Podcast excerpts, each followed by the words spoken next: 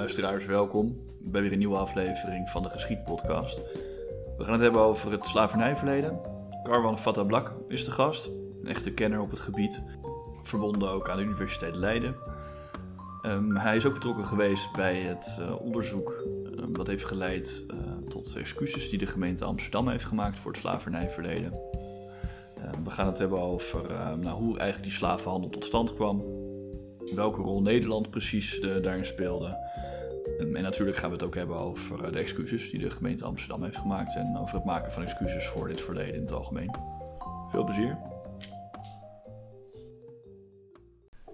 Nou, Carman, heel leuk dat je er bent. Dankjewel, ja, uh, ja, dankjewel dat je erbij wil zijn bij de podcast. Um, we gaan het vandaag hebben over het slavernijverleden. Ja. In een hele brede zin. Um, en nou, ook natuurlijk de rol van Nederland daarin. Uh, hoe was het leven nou op die uh, plantage? Ja. Maar ook de reis er naartoe. Mm -hmm. wat, wat, is daar allemaal gebeurd? Ja, ja. Maar misschien leuk om allereerst even te beginnen van... Ja, wat is nou een beetje de geschiedenis van dit, van dit hele verhaal? En uh, we kennen natuurlijk wat er in Rome gebeurde. In, uh, in China, de Chinese muur die is gebouwd met, met slavenarbeid. Ja, ja. Um, wat is geschiedenis en, en hoe verhoudt zich dat nou eigenlijk tot de transatlantische slavenhandel, waar, ja. we het, waar we het later over gaan hebben? Ja, um, ja de wereldgeschiedenis is vol van, van, van dwang en uitbuiting en van geweld. Um, en zeker grote beschavingen uh, hebben hun, hun, grote werken vaak verricht uh, met gedwongen arbeid. En dat is niet per se altijd slavernij. slavernij is een specifiek instituut, maar ja, gedwongen arbeid is een, is een, is, is, is een terugkerend aspect van, van grote beschavingen. Um, dus ook, in, ook als ze nomadisch zijn, maar zeker als ze, als ze gevestigde steden gaan bouwen, um, als er grote landbouw uh, bedreven wordt, grootschalige landbouw bedreven wordt, dan, is, uh, dan zijn ja, aspecten van dwang zijn daar vaak een onderdeel van. Um, vaak zijn de mensen die daartoe gedwongen worden buitenstaanders. Krijgsgevangenen, mensen die geroofd zijn ergens. En door de wereldgeschiedenis heen zijn, uh, is, is de meerderheid van mensen die in, in de vorm van onderwerping, eigendom van anderen gehouden wordt, zijn vrouwen. Um, maar dus ja, het, het, komt op heel veel plekken in de wereldgeschiedenis. Uh, en die zijn dan vaak hulp in de huishouding? Of, uh, ook ja, maar ook, ja, maar ook, in, de, ook in, in, in dus landbouw en productie. Ja. En, maar, maar dus ook, um, uh, ook dus in, in het huis. En, maar het, het, daar, daar stellen we ons doordat we omringd zijn door allemaal van die fijne elektrische apparaten en zo, stellen we ons bij dat huishouden uh, tegenwoordig wat anders voor. Het, het, was toch ook gewoon uh, water halen, brandhout halen, ja. uh, hakken. Uh, dus het is gewoon, het, het, het, het, het was veel werk. En, en zwaar werk af en toe. En zwaar werk, en, en zeker. In, in, in, in vaak grote, grote huishoudens. Maar goed, dit, dit is een heel algemeen soort van: oké, okay, dit, ja. dit is een fenomeen in de wereldgeschiedenis op heel veel momenten. Ja, ja. En als je dat dan vergelijkt met um, hoe, hoe, vaak het voorkwam, hoeveel slaven erbij uh, te pas kwamen. Hmm. Als je dat dan vergelijkt met de koloniën waar we het uh, straks nog over gaan hebben, ja. de, de, transatlantische slavenhandel. Ja. Um, ja, wat is het dan, ja, hoe verhouden ze zich tot elkaar? Ja, nou, de, de, de, de Atlantische wereld, zoals we dat noemen, dat is een soort van geïntegreerde wereld die ontstaat vanaf de 16e, 15e, 16e eeuw. Uh, waarin er scheepvaartverbindingen zijn tussen Afrika, de Amerika's en, en Europa. Um, drijft echt, of is gebaseerd um, echt op die slavernij, Afrikaanse slavernij. En de slavensamenlevingen die daarin ontstaan, uh, in het zuiden van de Verenigde Staten, op de Caribische eilanden, in Brazilië, de Guyana's, de Suriname. Um, het percentage mensen in die samenlevingen die in slavernij worden gehouden, ja, is, is, is ongekend hoog. Mhm. Dus dat is wel een uniek uniek aan die uh, samenleving rond de Atlantische Oceaan is dat het percentage mensen in die samenleving die in slavernij leven zo ontzettend uh, groot is. Zo. Dus dat, dat, is, dat is daar bijzonder aan, uitzonderlijk aan. Um, het is ook een slavernij die heel uitdrukkelijk geracialiseerd is. Dus waar zowel de eigenaren um, op basis van afstamming, op basis van het volk, of het, nou, het ras waar ze toe behoren, worden gezien als natuurlijke leiders, eigenaren, machthebbers. En degene die in, in slavernij worden gehouden ook op basis van hun eh, afstamming eh, eh, gezien worden als natuurlijke slaven. Dus dat, niet, dat, dat, dat mensen natuurlijke slaven zijn en dat ze daar eigenlijk ook niet aan kunnen ontsnappen. Ja, dat is ook, het fenomeen zie je ook wel in andere samenlevingen, maar dit is wel heel uitdrukkelijk in die Atlantische samenleving een heel uitzonderlijk ehm, gegeven. Dus dat, dat, dat, die racialisering daarvan. Ehm, is, is, een, is een bijzonder aspect van de Atlantische slavernij. En ehm, denk ik ook belangrijk, en dat, is ook weer niet uniek voor de Atlantische wereld, maar wel heel specifiek en, en, en grootschalig, is dat die slavernij ehm, eh, eh, gericht is op productie voor de wereldmarkt. Ja. Dat is het gekke inderdaad. Dus die slaven worden vervoerd, maar vervolgens die producten worden ook weer uh, ja, terug. Ja, dus productie voor de wereldmarkt. Ja, ja dus dat, dat is echt een marktgerichte uh, productie. En dat het op zo'n groot percentage van de bevolking ja, gaat. Ja, groot percentage van de bevolking, de schaal en, en ook de, de, in, in veel van die Atlantische samenlevingen, ik moet het niet helemaal van algemeniseren, um, is dat ook een, een, een status waar je dus ook niet aan ontsnapt. Waar dus geen weg uit is. Terwijl je toch in heel veel andere slavensamenlevingen, of samenlevingen met slavernij, we kunnen het over het onderscheid nog wel hebben, maar um, uh, zie je dat er, dat er meer wegen zijn. Dat, dat, dat slavernij een, een tijdelijke fase in iemands leven kan zijn. Um, waarna er een ander soort van toekomst volgt. En dat is in, in toch wel veel van die, van die uh, Atlantische samenlevingen veel minder het geval. Zeker in de, de kolonie van de, van de protestantse uh, machten. Dus uh, van, de, van, de, uh, van de Britten, de Nederlanders. Nee, dus de permanente status is daar heel uh, veel sterker. Oké, ja. oké. Okay, okay. um, nou, als we het dan gaan hebben over hoe die handel precies uh, verliep. Hè? Ja. Uh, volgens mij waren het eerst de, de Spanjaarden, Portugezen die, die uh, naar, naar Afrika Zeker. trokken. Ja. Um, ja, hoe ging dat op een gegeven moment? Er kwamen die schepen, die kwamen eraan. Ja. Um, en op een gegeven moment nou, werd dat weer naar Amerika. Er werden dus uh, slaven ja. gemaakt naar Amerika vervoerd. Ja. En dan krijg je een soort driehoekshandel. Ja. Uh, ja. Kun je ons daar wat meer over vertellen? Um, ja, zeker. De, de, de, ja, de, die driehoekshandel, dat is echt een abstractie. Dus dat maakt het heel erg begrijpelijk. Is natuurlijk niet helemaal hoe het, uh, hoe het werkte. Maar uh, die Portugese praktijk, die je langs de Afrikaanse kust gaat zien, is het organiseren van landbouw op vaak eilanden. Uh, door middel van gedwongen arbeid, slaven. Um, en dat zijn in eerste instantie zijn dat de eilanden voor de Afrikaanse kust. En dat is, ja, dat is uh, als, je een, als je een superieure zeemacht uh, bent, um, dan is zo'n eiland ja, een, een, een, een makkelijkere prooi dan een groot gebied. Dus een, een, eiland is van zichzelf geïsoleerd en, en, beschermd. Maar op het moment dat die natuurlijke bescherming wordt uh, geslecht, dan is, dan is zo'n eilandsamenleving heel erg weerloos. En je ziet dus dat op de Kaapverdische eilanden en eilanden voor de Afrikaanse kust, en zo, um, dat daar het mogelijk is om uh, binnen te vallen, in, bezit te nemen, mensen tot slaven te maken, ergens anders naartoe te vervoeren um, en ze uh, deel te maken van een productieproces, vaak van suiker. En dat, dat model, dat is een oude model, dat, dat, dat reist vanuit de Middellandse Zee naar, naar die Afrikaanse eilanden. Uh, maar dat model in het klein wordt het model wat op de Caribische eilanden ook uh, toegepast gaat, gaat worden. Dus daar zit, daar zit die voorgeschiedenis. Eerst even een vraagje over die hele handel, um, hoe groot die nou eigenlijk is. Of ja, hoeveel ja, mensen ja. gaat het eigenlijk? Ja, hoeveel ja. zijn er vervoerd vanuit Afrika? Ja, Um, kan je ons daar iets over vertellen? Ja dus, dus we zeggen wel eens, hè, dit is een geschiedenis van 300 jaar, maar dat is geen geschiedenis die statisch is of onveranderlijk. Dus de, de, de, de eeuw van de slavenhandel is de 18e eeuw. Mhm. Niet de 17e eeuw, niet de 16e eeuw. 18e eeuw en misschien ook nog uh, de 19e eeuw. Uh, daar uh, zit echt de, ja, het hoogtepunt of dieptepunt, als je. Je zou het gewoon dieptepunt kunnen noemen. Van die transatlantische slavenhandel. En dan is de schaal zo ontzettend veel groter dan in die voorgaande periodes. Dus er zit een opbouw in, maar dat komt tot dat hoogtepunt in die, in die 18e eeuw. Ehm, vooral door de, door de Britten die dan eigenlijk ook op dat hoogtepunt dat zullen, zullen gaan afschaffen. En um, uh, Portugezen nemen dan tijdelijk eigenlijk die, die, die rol over. Ehm, de meeste mensen die de Atlantische Oceaan worden overgevoerd, die worden naar Brazilië gebracht. Dus als het gaat om aantallen, is dus Brazilië is de grootste ontvanger van uh, tot slaafgemaakte mensen.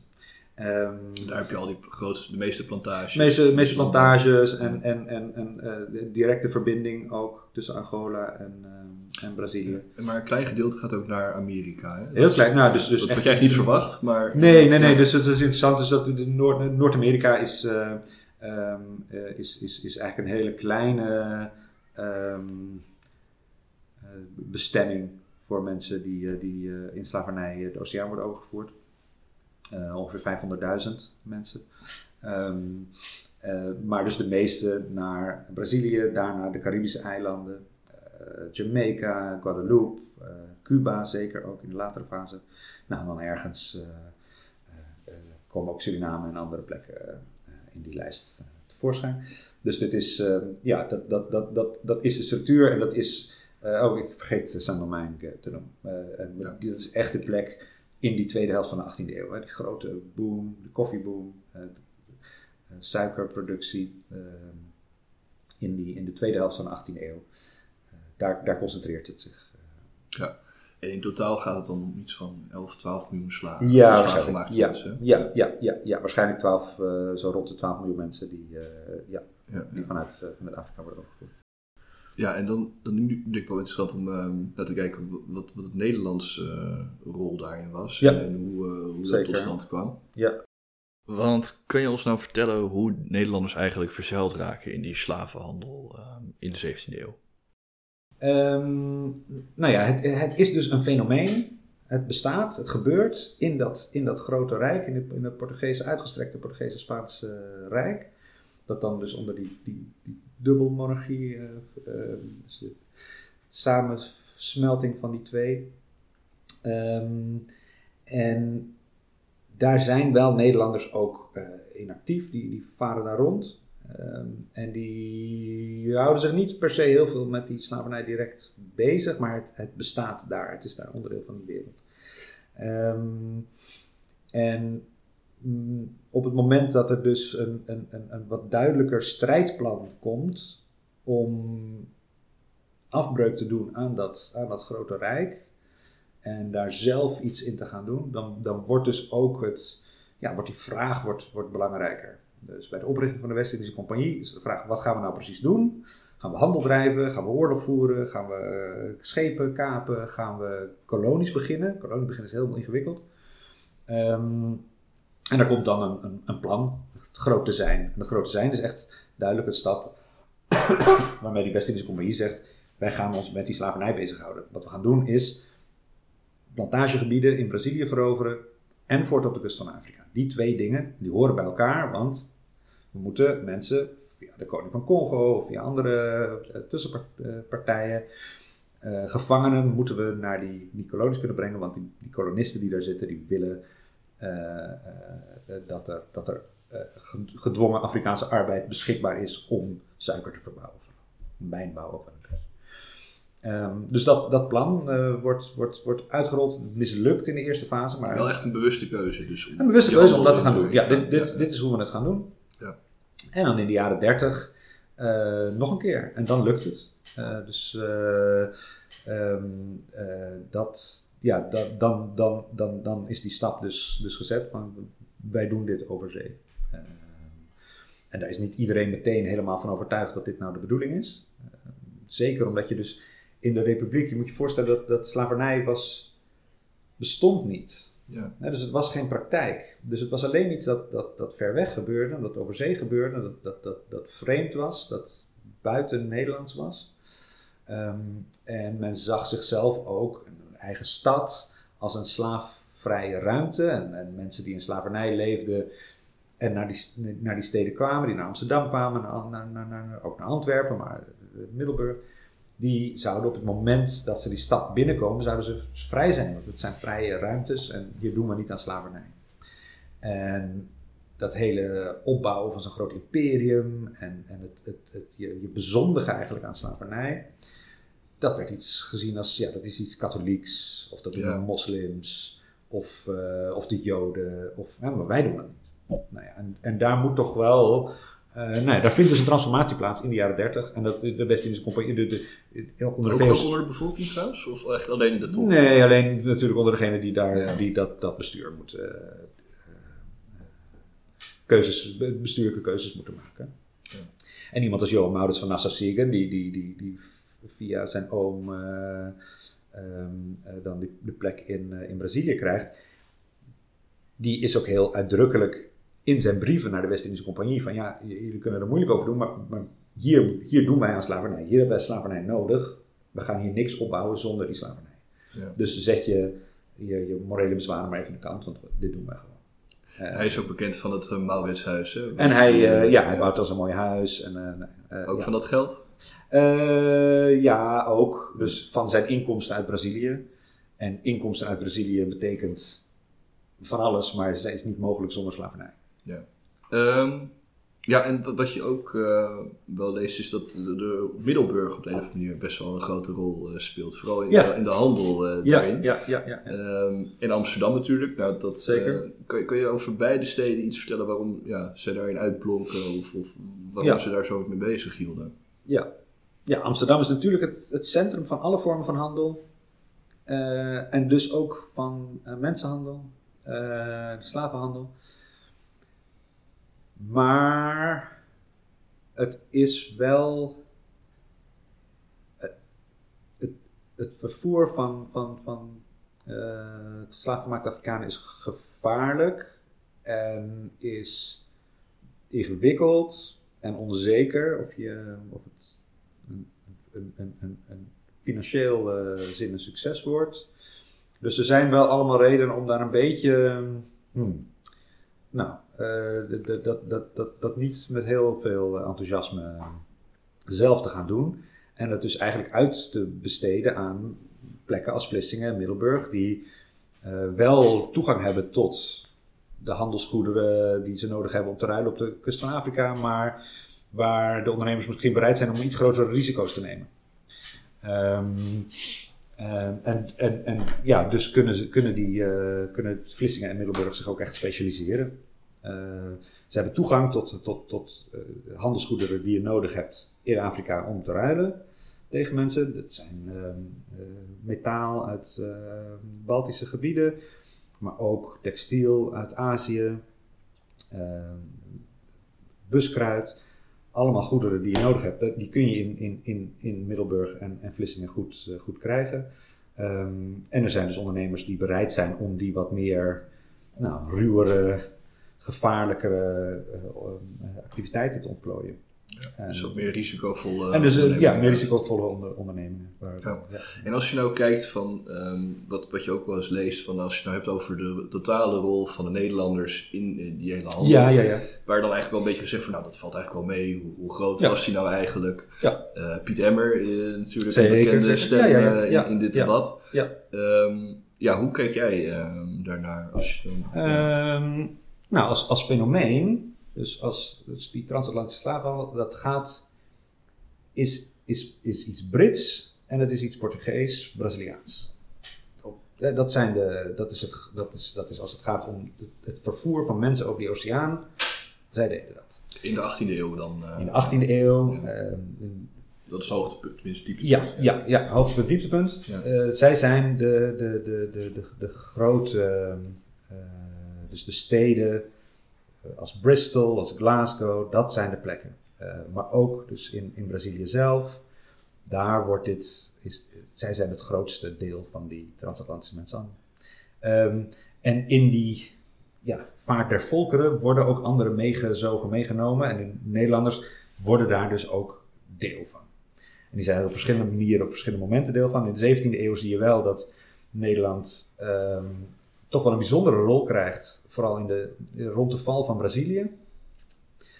Eh, je ziet dat, dat het, het innemen van Brazilië en het, het veroveren van een fort als Almina eh, echt desastreus is voor die Portugese slaafhandel voor een tijdje. En dan zijn de Nederlanders ineens de grootste eh, vervoerders van mensen over die Atlantische Oceaan. De helft van de mensen die in die derde kwart van de 17e eeuw de oceaan overgaan, gaan aan boord van Nederlandse schepen. Dus in die korte periode zie je ineens van ja, die, die, die, die West-Indische Compagnie, die niet meer bezig is met dat grote territoriale ambitie in Brazilië, maar die zich gaat beperken tot die slavenhandel, wordt ineens de grootste slavenhandelaar van de Atlantische wereld. Een soort tussenfiguur tussen de andere rijken. Ehm, maar dat gaat in, in schaal niet, niet meer heel veel voorstellen in, in de 18e eeuw. Ehm, dat neemt niet weg dat het wel wat betekent in Nederland zelf. Dus dat, dat, dat Nederland in de 18e eeuw niet meer behoort tot de grootste slavenhandelaren van de, van de Atlantische wereld. Betekent niet dat die op slavernij gebaseerde productie bijvoorbeeld niet belangrijk is voor de Nederlandse economie.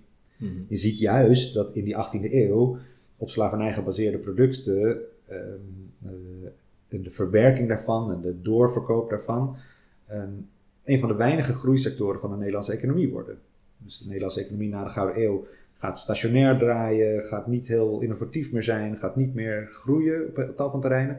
De enige terreinen waar nog groei zit, zijn de, of nee, niet de enige, maar een van de weinige terreinen waar nog groei is, zijn de terreinen die, die gekoppeld zijn aan, uh, aan, aan, aan, aan de transatlantische slavenhandel. Dus je kan zeggen, in de 17e eeuw wordt Nederland uiteindelijk belangrijk voor de slavernij, is het misschien nog niet zo belangrijk voor de economie. In de 18e eeuw is het relatieve aandeel van Nederland klein, maar is het, het belang van die slavernij gebaseerde productie voor de Nederlandse economie wel, uh, wel groot. Dat ze dan geld verdienen uit de handel in koffie? Uh, ja, koffie, suiker, indigo, uh, katoen. Ja, zeker. zeker. En dus ook de verwerking van die, van die producten, raffinage. Um, en dan is dus de, um, het, het, aandeel in de groei. En dat is Pepijn Brandon en, en Ulbe Bosma hebben dat mooi becijferd. Hè? Uh, wat, wat, wat, wat is nou dat aandeel in de economie? Nou, het aandeel van de hele economie is dat ongeveer 5, 6 procent. Um, in de buitenlandse handel is dat 20 procent. Dus handel is maar een deel van de economie natuurlijk, maar als deel van de handel is dat ongeveer 20 procent. Als je gaat kijken naar waar zit nou de groei, dan is 40% van die groei is slavernij gebaseerde activiteit. Nou, dat, is, ja, dat, dat, dat zegt vooral ook iets over hoe slecht het gaat met andere sectoren hoor. Uh, maar dat, dat dus die Atlantische wereld en, en, en uh, Ad van der Woude en uh, Jan de Vries hebben dat in een eerdere studie ook al wel eens gezegd. Die zeiden van ja, eigenlijk is het opvallend dat alles, al dat aan de Atlantische wereld gerelateerde activiteit, dat, dat, dat daar de, de economische groei nog zit in die 18e eeuw. Ja. En, en, natuurlijk ook de rol van um, Amsterdam als stapelmarkt. Ja. Nog steeds ook in, steeds, in ja. Europa in die tijd. Ja. Dus, dat, ja, dus zie je natuurlijk alle goederen langskomen. Ja. ja. En dus ook uh, tot slaafgemaakt. Ja. ja. Um, nog één, uh, ja, wat denk ik ook wel interessant is om even te kijken van ja, hoe gaat het leven nou op die plantages? Ja, ja, ja. eruit? Mm -hmm we hebben natuurlijk allemaal doemscenario's in ons hoofd ja. over inderdaad uh, met de zweep. En mm -hmm. uh, nou, er gebeuren verschrikkelijke dingen wat, mm -hmm. wat, wat, we daarvan herinneren. Ja. Um, ja, kun je ons daar iets over vertellen? Hoe ging, hoe, ging dat? Um, ja, dus mensen worden um, ja, in Afrika door oorlog of door roof of door straffen worden ze uh, tot slaven gemaakt. Een proces. Ontworteld. Uh, geen deel meer van een gemeenschap. Uh, los van hun familieverwantschappen, verbanden. Aan boord gebracht van, van, van schepen tot, tot eigendom gemaakt. gebrandmerkt door de, door de compagnies. Um, en vervoerd naar een plek die ze, die ze niet kennen. Um, en alles heeft de bedoeling om hun menselijke capaciteiten onder controle te brengen. Dus we, we, uh, ik denk dat we moeten zien dat het juist gaat om de, om de, de, de, fysieke kracht, maar ook de, de creativiteit en de denkkracht en het, uithoudingsvermogen, het doorzettingsvermogen om saai en vervelend werk te doen. Um, om, om, om, om, om die mogelijkheden, die, die, die, die, die dingen die mensen kunnen, om die onder controle te, te, te brengen. En daar zit een heel ritueel van onderwerping zit daar in. Dus dat in, in, slaven, de trans, het transport van slavenmaakten over de oceaan is daar, is, is daar deel van. Een heel desoriënterende fase in, uh, in, in iemands leven, ongetwijfeld. Um, een, een, een, fase waarin er heel veel uh, angst uh, ook is. We weten uit heel veel verslagen dat mensen die aan boord van die schepen worden gebracht denken dat zij opgegeten zullen worden. En dan vervolgens komen ze in, nou, bijvoorbeeld, laten we zeggen, Suriname aan. Um, en worden zij weer uh, overgedragen, gekocht door, uh, door, door de administrateur, door de eigenaar. Die ze naar een plantage vervoert, een onbekende plek. En, ja, ze worden natuurlijk ook gewoon ergens uit een dorp in uh, Afrika. Ja, ja, ja je, je bent dus, je, er zit een hele serie van, van, van, van uh, momenten en gebeurtenissen waar je geen, geen controle over hebt. Die, uh, nou, we weten wel iets over de terreur aan boord van, van, van slavenschepen. Um, dat is sowieso een, een hele reeks aan traumatische gebeurtenissen. Dus je hebt mensen die erg beschadigd aan de andere kant ehm, fysiek, maar zeker ook geestelijk beschadigd aan de andere kant uh, komen. En dan dus nou ja, op zo'n plantage terechtkomen. Dat gaat in kleine groepjes, dus een eigenaar koopt mensen, misschien drie, misschien vier. En die komen, worden deel van de mensen die daar dan al zijn. Ja, waar kom je dan in terecht? Je komt terecht in een, in een in, in waarschijnlijk, het ligt een beetje aan welke periode, maar in een soort van dorpje. Dus op die plantages in de 17e eeuw zie je dat er op, achter op de plantage een soort van dorpje is waar mensen leven. Um, en waar ze uh, nou, dus in zullen moeten integreren. Uh, en het ligt er heel erg aan wat voor plantage het is, wat de situatie daar is. Um, maar die plantages zijn zeker in de 18e eeuw heel erg ongezonde, dodelijke uh, plekken. Dus heel veel mensen worden dan alsnog, als ze niet al dus onderweg zijn overleden, worden alsnog ziek en overlijden, vaak vrij snel. Uh, en worden uh, gedwongen om uh, vaak zwaar werk te doen, zeker in het midden van de 18e eeuw. Op het moment dat het plantageareaal uitbreidt, is het graven van uh, afwateringskanalen, sloten, het, het, het, het leeg ehm, kappen van, van, van, van bos, oerwoud permanent terugdringen van het, uh, het, het, onderhouden van die, uh, van die perken van, van, van riet, suiker of bomen voor koffie. dus fysiek zwaar werk, vaak met een soort van getraumatiseerde voorgeschiedenis. In een, in Lange uren ook, hè? Lange dagen. Ja, ja nou, zeker oogst, dus oogsttijd voor suiker is een moment dat er echt nou, 24 uur per dag activiteit is. Ja. Um, en dat, die activiteit bestaat uit natuurlijk het kappen van het riet, het dragen van het riet naar de molen, uh, het, het, werken in die molen, het uh, stoken van de uh, pannen waarin de suiker, het, het suikerrietsap gekookt wordt. Um, en um, ja, dat, dat, dat, dat regime, die situatie, die, die, die plek die valt onder de domestieke jurisdictie, domestiek recht. Dus degene, de eigenaar of zijn vertegenwoordiger, die is aanklager, rechter en beul eh, in één. Als er dus iets gebeurt waarvan hij vindt dat het niet mag, dat is dan de, de, de, de, uitzondering. Er is iets gestolen, er is iets gevochten, er is uh, uh, niet geluisterd. Dat is dan de uitzondering. Dagelijkse praktijk is afdwingen van van werk. Um, en daarbij mag geweld gebruikt worden. En je ziet zeker in de 17e eeuw, zeker in de eerste helft van de 17e eeuw, maar ook in de, in de, in rest van de tijd, dat dat, dat gepaard gaat met um, echt heel extreme terreur. En dat is ook iets dat gesteund wordt vanuit de staat. Um, dus de, de staat, het, het, het leger, het gerechtshof, maar, maar het gerechtshof uh, zeker, en degene die, die overheid aansturen. Dat wordt gevormd door de eigenaren. En die uh, ja, passen een, een, een, een, een heel erg extreme vorm van, van fysieke terreur uh, toe. Ook, ook extremer dan je bijvoorbeeld in. Het is natuurlijk sowieso een gewelddadigere tijd dan nu. we zijn, zijn geweld niet meer zo gewend, maar ehm, eh, eh, ja, daar, daar hoort ook extreme terreur bij. Ehm, Wat je ook wel leest is dat het in Suriname misschien nog wel erger was dan eh, de andere kolonies. Eh, Voltaire die schijnt daar langs geweest te zijn, die heeft er aan bijgedragen. oh, een soort beeld beeld- van extreem. ja, aan dat eh, beeld ja, dat het in Suriname ja, misschien ja. nog wel groffer was eh, Ja. dan Nederlanders. Ja, ja dus het was natuurlijk heel, heel eh, Eh, niet voor te stellen wat er allemaal gebeurde, maar Ja, het is, het is ook deel van een soort inter, interimperiale eh, propaganda, zeg maar. Ja. Die Nederlanders die deugen echt niet.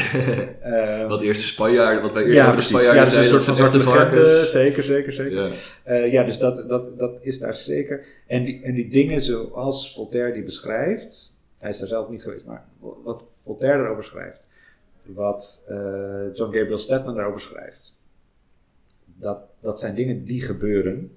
En die gebeuren echt. We weten uit de, de rechtbankverslagen, eh, we weten wat voor straffen er worden opgelegd. Ja. Ehm, dus ja, die gebeuren, gebeuren die stelselmatig gebeuren die heel veel? Ja, gebeuren heel veel. We zien, en dat is interessant eh, onderzoek dat ik samen met, eh, eh, of dat eigenlijk vooral door Imran eh, Kanfijn is gedaan, een oud student. Je, je ziet wel een soort afname van die hele extreme eh, verminking eh, dingen. Maar goed, dat is, dat is allemaal nog eh, op, op een schaal. eh, eh, dus ja, dat, dat, dat is, kun je dat vergelijken tussen verschillende plekken? Nou, niet, niet per se. Maar dodelijk is uiteindelijk toch vooral ondervoeding, zwaar fysiek werk en, een, en een extreem ongezond eh, ziekteklimaat, malaria, gele koorts. Eh, dus dat, ehm, eh, die, die, die, die combinatie maakt zeker in het midden van de 18e eeuw Suriname tot een van de dodelijkste plekken. eh, waar dus het sterfteoverschot is 5 eh, procent. Ja. Nou, meestal eh, rekenen we dat soort dingen in promiel. Gaan we, nu gaan we dat niet in procent uitdrukken. Ja. Suriname is 5%.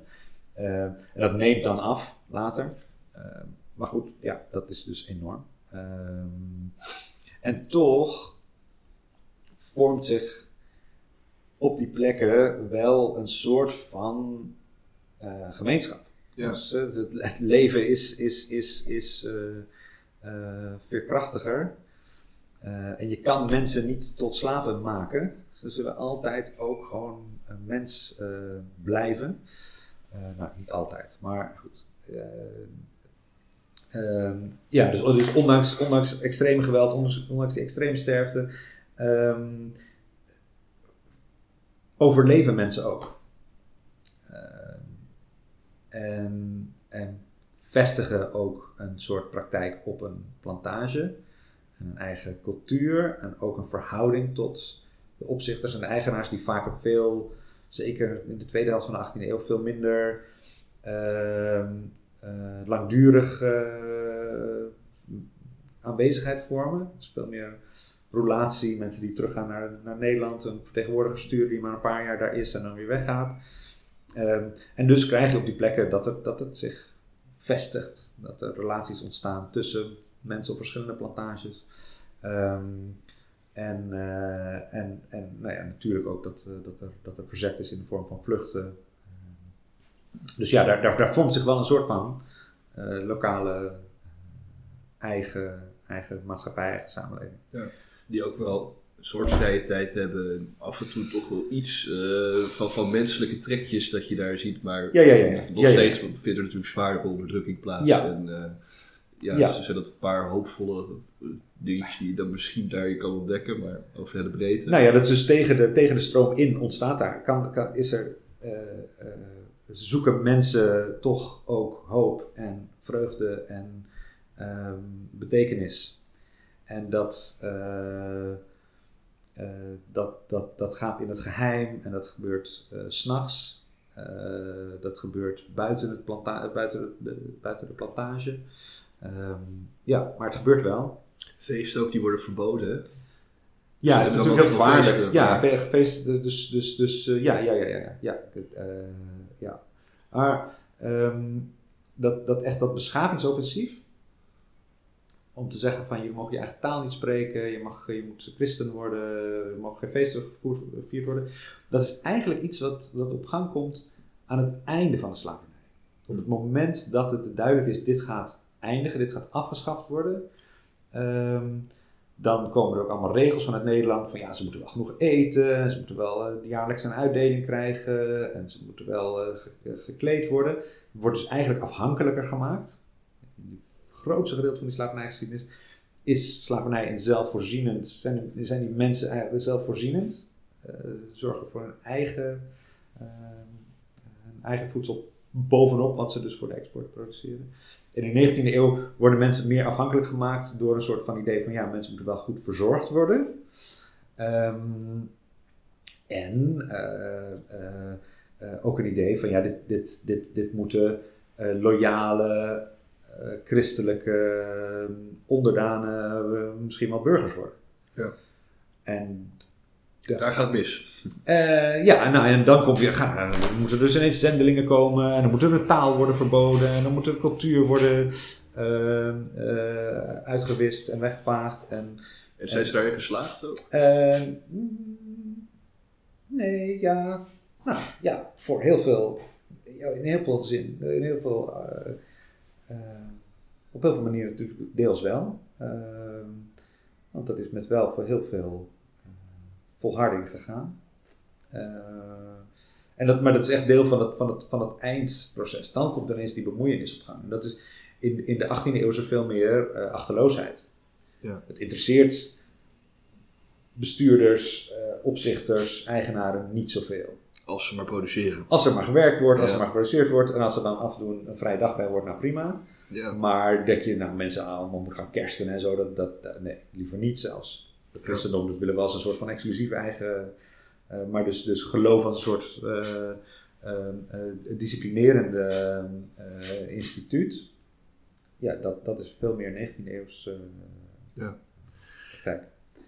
Um, je noemde het net al eventjes, er waren ook natuurlijk opstanden. Ja. En, men was het er eigenlijk helemaal niet mee eens. een, een, hele grote opstand, die ook een hele belangrijke rol heeft gespeeld in, in de afschaffing dat is uh, de slavenopstand op Haiti. Ja. Uh, Dominicaanse Republiek nu. Ja. Saint-Domingue toen. Ja, ja, uh, ja. ja. Kan je ons daar iets over vertellen? Wat, wat daar gebeurde en waarom dat zo belangrijk was eh, voor het verdere vervolg? Ja, ja nou het belangrijkste is dat dat eiland het bestaat uit twee delen. Dus Saint-Domingue en Santo Domingo. Het ene is Santo Domingo Spaans, Saint-Domingue is dan Frans. Vanaf het eind van de 17e eeuw wordt die splitsing komt tot stand. En het is in de tweede helft van de 18e eeuw dat dat de grootste plantagekolonie wordt. En dus ook een derde van alle buitenlandse handel van Frankrijk wordt op dat eiland geproduceerd. Het is echt van een ongekende grote schaal. Um, Hoe groot is het eiland eigenlijk, om een idee te krijgen? Oeh, nou, het, het behoort tot de grotere eilanden. Dus ja. uh, uh, het, het, het, zal, uh, oef, nou oppervlak weet ik niet uit mijn hoofd, het zal iets, zo, zoiets als Jamaica zijn. Ja. Um, dus je hebt een paar grotere eilanden, hè? Cuba, Jamaica, uh, Puerto Rico en, en, dan dus Hispaniola, zoals het genoemd wordt, de eerste plek waar Columbus ook aankomt. Nou, dat worden die twee koloniën, San Domingue en Santo Domingo. Um, en dat San Domingue, dat is een belangrijke kolonie voor de Fransen, maar ook voor de Nederlanders, die daar uh, dus de, de, ja, Franse producten eigenlijk afromen voor de eigen, eigen markt. Um, maar goed, grote, grote uh, slaven, op slavernij gebaseerde uh, kolonie.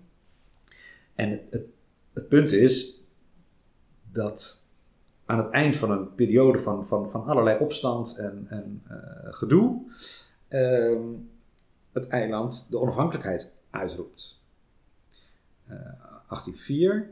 En bij het uitroepen van die onafhankelijkheid ook stelt van het slavernij is voor altijd uh, beëindigd. En dat is een enorme schok. En er zat, er zat al een schok voor. Een aantal schokken die opbouwen naar die enorme klap van uh, nu zijn ze nog onafhankelijk ook. En dat is dat in 1989, in, in 89, de Franse Revolutie, wordt er ineens gezegd van ja, die mensen uh, die, uh, die zowel Europese als Afrikaanse voorouders hebben, maar die vrij zijn, die zouden eigenlijk gelijke rechten moeten hebben aan de witte kolonisten. Nou, dat zorgt al voor heel veel opschudding en, en gedoe op dat eiland. Um, eigenlijk een strijd binnen de elite. En in 1791 grijpen dan uh, slaafgemaakten hun, hun kans om echt groot in opstand te komen, hele delen van die kolonie in, in de as te leggen, eigen legers te formeren. En in een poging om die opstand te dempen, wordt in, in uh, uh, 1793 dan besloten om de slavernij op dat eiland af te schaffen door de lokale bestuurders. En dat is echt een, is een soort van, uh, nou, dat is echt een poging om die opstand te laten stoppen. Oké, nou, dan schaffen we het gewoon maar af. We hebben toch de controle niet meer, dan schaffen we het gewoon maar af. En dat is op het moment dat die Franse revolutie, mensen zijn heel erg enthousiast over de rechten van de mensen, die vinden dit een prachtig uh, signaal. En dus in 1994 wordt in het hele Franse Rijk dan die slavernij afgeschaft. En dat is echt een. Ja, dat, dat, is, dat, zijn dus, dat zijn dus al een aantal schokken achter elkaar. Voor de Nederlanders, voor de Britten, voor de slaveneigenaren, dat het dus zover kan komen. Je een opstand kan hebben en dat vervolgens dat, dat instituut wordt afgeschaft. Um, Want die zien het tot slaaf gemaakt helemaal niet zo. En die zien niet als, dat als dat. Mensen, nee, precies. Ja, en het zijn ineens. Uh, de, de, de, blijken ze uh, allemaal hele re redelijke eisen over hun eigen rechten te hebben. En zo. Nou, dat is, allemaal. grondwet. En, uh, nou ja, en dan, en dan de, dus de, de, de, de, klap is, is 1804 ook nog, ook nog onafhankelijk. Um, en dan is er in die in het, Britse parlement en, en politiek. Ja, David Richardson heeft daar net een uh, boek over gepubliceerd, uh, Principles and Agents. Uh, wordt het duidelijk van ja, die, die, die slavernij dat is, een, dat is een security risk, dat is een veiligheidsprobleem. Eh, je, als je de hele tijd duizenden en duizenden mensen naar zo'n kolonie blijft vervoeren, die, nou, met Marx te spreken, die niets te verliezen hebben dan een keten, hè, letterlijk. Ja. dat is gewoon super gevaarlijk. dus, um, en, en zo'n opstand kan dus uit de hand lopen en kan uh, mensen vrijlaten. Kan dus ook nog betekenen dat ze vervolgens zich af gaan scheiden. Dus we moeten een soort manier vinden waarop we wel die slavernij behouden, maar dat, dat, dat revolutionaire karakter daarvan een beetje um, uh, terugdringen, indammen. En, en ook iets doen wat, wat moreel uh, goed voelt. En daar begonnen die Engelse. En daar wordt dus, nou ja, dan, dan, uh, al die argumenten over ja, slavernij is slecht. Ja, oké, nou dan, dan doen we dus iets, iets nobels, namelijk we schaffen die slavenhandel, dat ergste deel daarvan, die, die, die, die, die verschrikkelijke overtocht, die schaffen we af. Ja. Dat we. En wat je ook ziet is dat die Engelse bevolking daar ook wel een rol in speelt, toch? Die zijn best wel actief, in, in, in tegenstelling tot andere landen waar dat eigenlijk helemaal niet zo leeft. Klopt. Dus in Engeland wel um, ja. de slavenhandel of de ja. slavernij uh, afschaffen. Ja, maar dat is, uh, dat is eigenlijk daarna pas. Dus er is, er is inderdaad veel religieus geïnspireerde anti-slavernij, of anti-slavenhandel en slavernij in de late 17e, of sorry, late 18e eeuw. Op het moment dat die opstand in Saint-Domingue uitbreekt, verstommen die stemmen eigenlijk vrij snel. Want mensen zijn wel, uh, witte Europese vrije mensen zijn wel een beetje geschrokken van het geweld van die opstand. Dus het abolitionisme uh, verdwijnt naar de achtergrond en wordt eigenlijk in de defensief gedrukt in de aanloop naar de afschaffing van de handel in 17, uh, 1807, 1808. Ja. Um, en het is pas weer in de jaren 20 van de 19e eeuw dat, je, dat die abolitionistische beweging precies dat massa-karakter krijgt.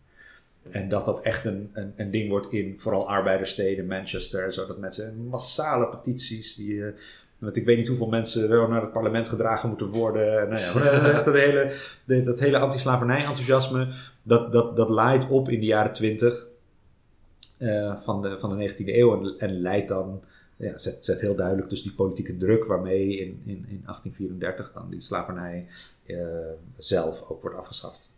En dat is echt een massabeweging. Maar dat is dus wel een beetje een andere fase dan die, die, die, die 18e eeuwse meer echt heel, ja, vooral, vooral kleine religieuze uh, uh, beweging. Die zich dus ook naar de achtergrond laat dringen tijdens de Haitiaanse opstand, de, de revolutie.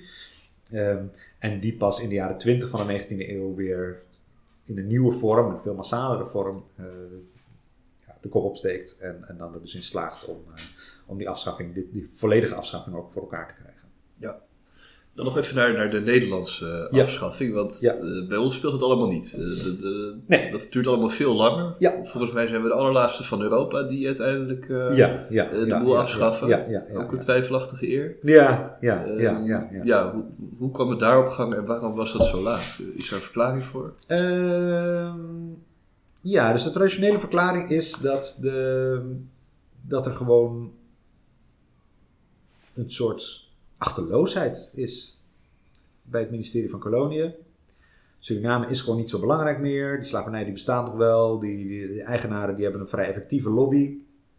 Het is niet een onderwerp dat in het parlement besproken wordt, omdat alle koloniale zaken ehm, buiten het parlement blijven. Dus ja, eh, koloniale arrogantie, achterloosheid zorgt ervoor dat het, dat het sleept. Ehm, ja.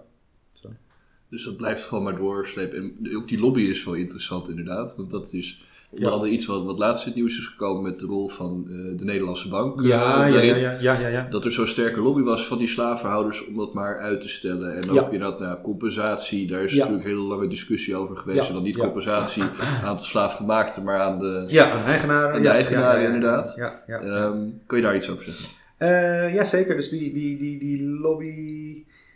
Nou, eh, belangrijk voor de eigenaren is om het. Iedereen zegt altijd, al vanaf de late 18e eeuw. Ja, die slavernij is slecht. Deugt niet. Dat is eigenlijk niet goed. Maar je moet wel voorzichtig zijn met afschaffen. Want als je te snel afschaft, dan krijg je wat er in Sandermijn gebeurt. Ja. Ja, dus snelle afschaffing, dat kan niet. Dus het moet een langzame afschaffing zijn. En de abolitionisten die, die, die zeggen van ja, maar de situatie van die slaven is super erg en daar, daar moeten we toch iets mee. En het antwoord van de eigenaren erop is, nou ja, dan gaan we het hebben over de omstandigheden.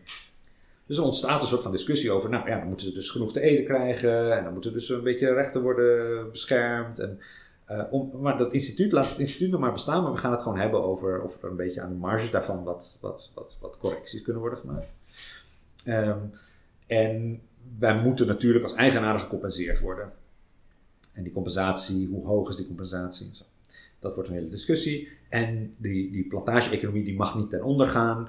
Dus we moeten ook goed voorbereiden dat, er, ehm, dat de mensen die op die plantages werken, daar willen blijven werken of gaan blijven werken op het moment dat we ze vrijmaken. Ehm, of dat in ieder geval vervangende arbeidskrachten zijn. Dus er worden allemaal soort van praktische problemen eh, geschetst die eerst allemaal opgelost moeten worden. En nou ja, dus het oplossen van al die praktische problemen één voor één, eh, dat, dat leidt eigenlijk tot een soort van eh, eindeloos eh, gedraai en, en dan weer de, de ene maatregel, dan nog eens een keer hebben over die compensatie. En wat je ziet is, dat, dat is niet de Nederlandse bank zelf, maar die, die eigenaren die ook een positie hebben bij de Nederlandse bank. Maar dus die eigenaren, die, die zijn heel effectief in hun, in hun lobby. Zeker ehm, eh, tot en met de jaren, eind jaren 40. Ja. In de loop van de jaren 40 gaan ze de, de greep over het proces een beetje kwijtraken. Omdat het dan ineens bij de grondwetsherziening wordt slavernij een thema eh, voor het parlement zelf. En dan kun je dus ineens politiek debat krijgen en dan wordt het lastiger voor ze. Maar goed, het lukt ze toch alsnog om tot 1863 te rekken eh, voordat er wordt afgeschaft. Ja, toch zie je daar dat de polder ook een, een negatieve kant En dat is soms eh, de polder ook een negatief kant. Ja, ja, ja, Ja, ja, ja. ja, ja, ja, zeker. zeker. Ehm, ja. nou, tot slot, eh, over de, ja, de, de excuses, eh, de reparaties, Ja, wat, ja, ja, wat, wat ja. nu natuurlijk heel erg actueel is eh, van verschillende instellingen, Ja. maar ook van de gemeente, van de staat. Ja. Ehm, ja, hoe kijk je daar? Jij hebt natuurlijk een belangrijke rol in gespeeld met eh, onder andere het schrijven van het boek, het doen van het onderzoek van wat is er nou precies Aha, gebeurd. aha. Voelt het ook als een soort overwinning dat dit nu gebeurt? Of ehm, hoe moet ik dat zien? Oh, overwinning. Oh, eh, oh, dat had ik nog niet zo. eh, nou, ik, ik, ik, ik, zie vooral dat de ruimte die er gecreëerd wordt om het hierover te hebben, vooral door, door gewoon ja, ehm, gemeenschap van nazaten, mensen die zich identificeren als nazaten, uitdrukkelijk identificeren als nazaten, eh, gecreëerd is door te zeggen van ja, we moeten het hebben over het- dit deel van die geschiedenis.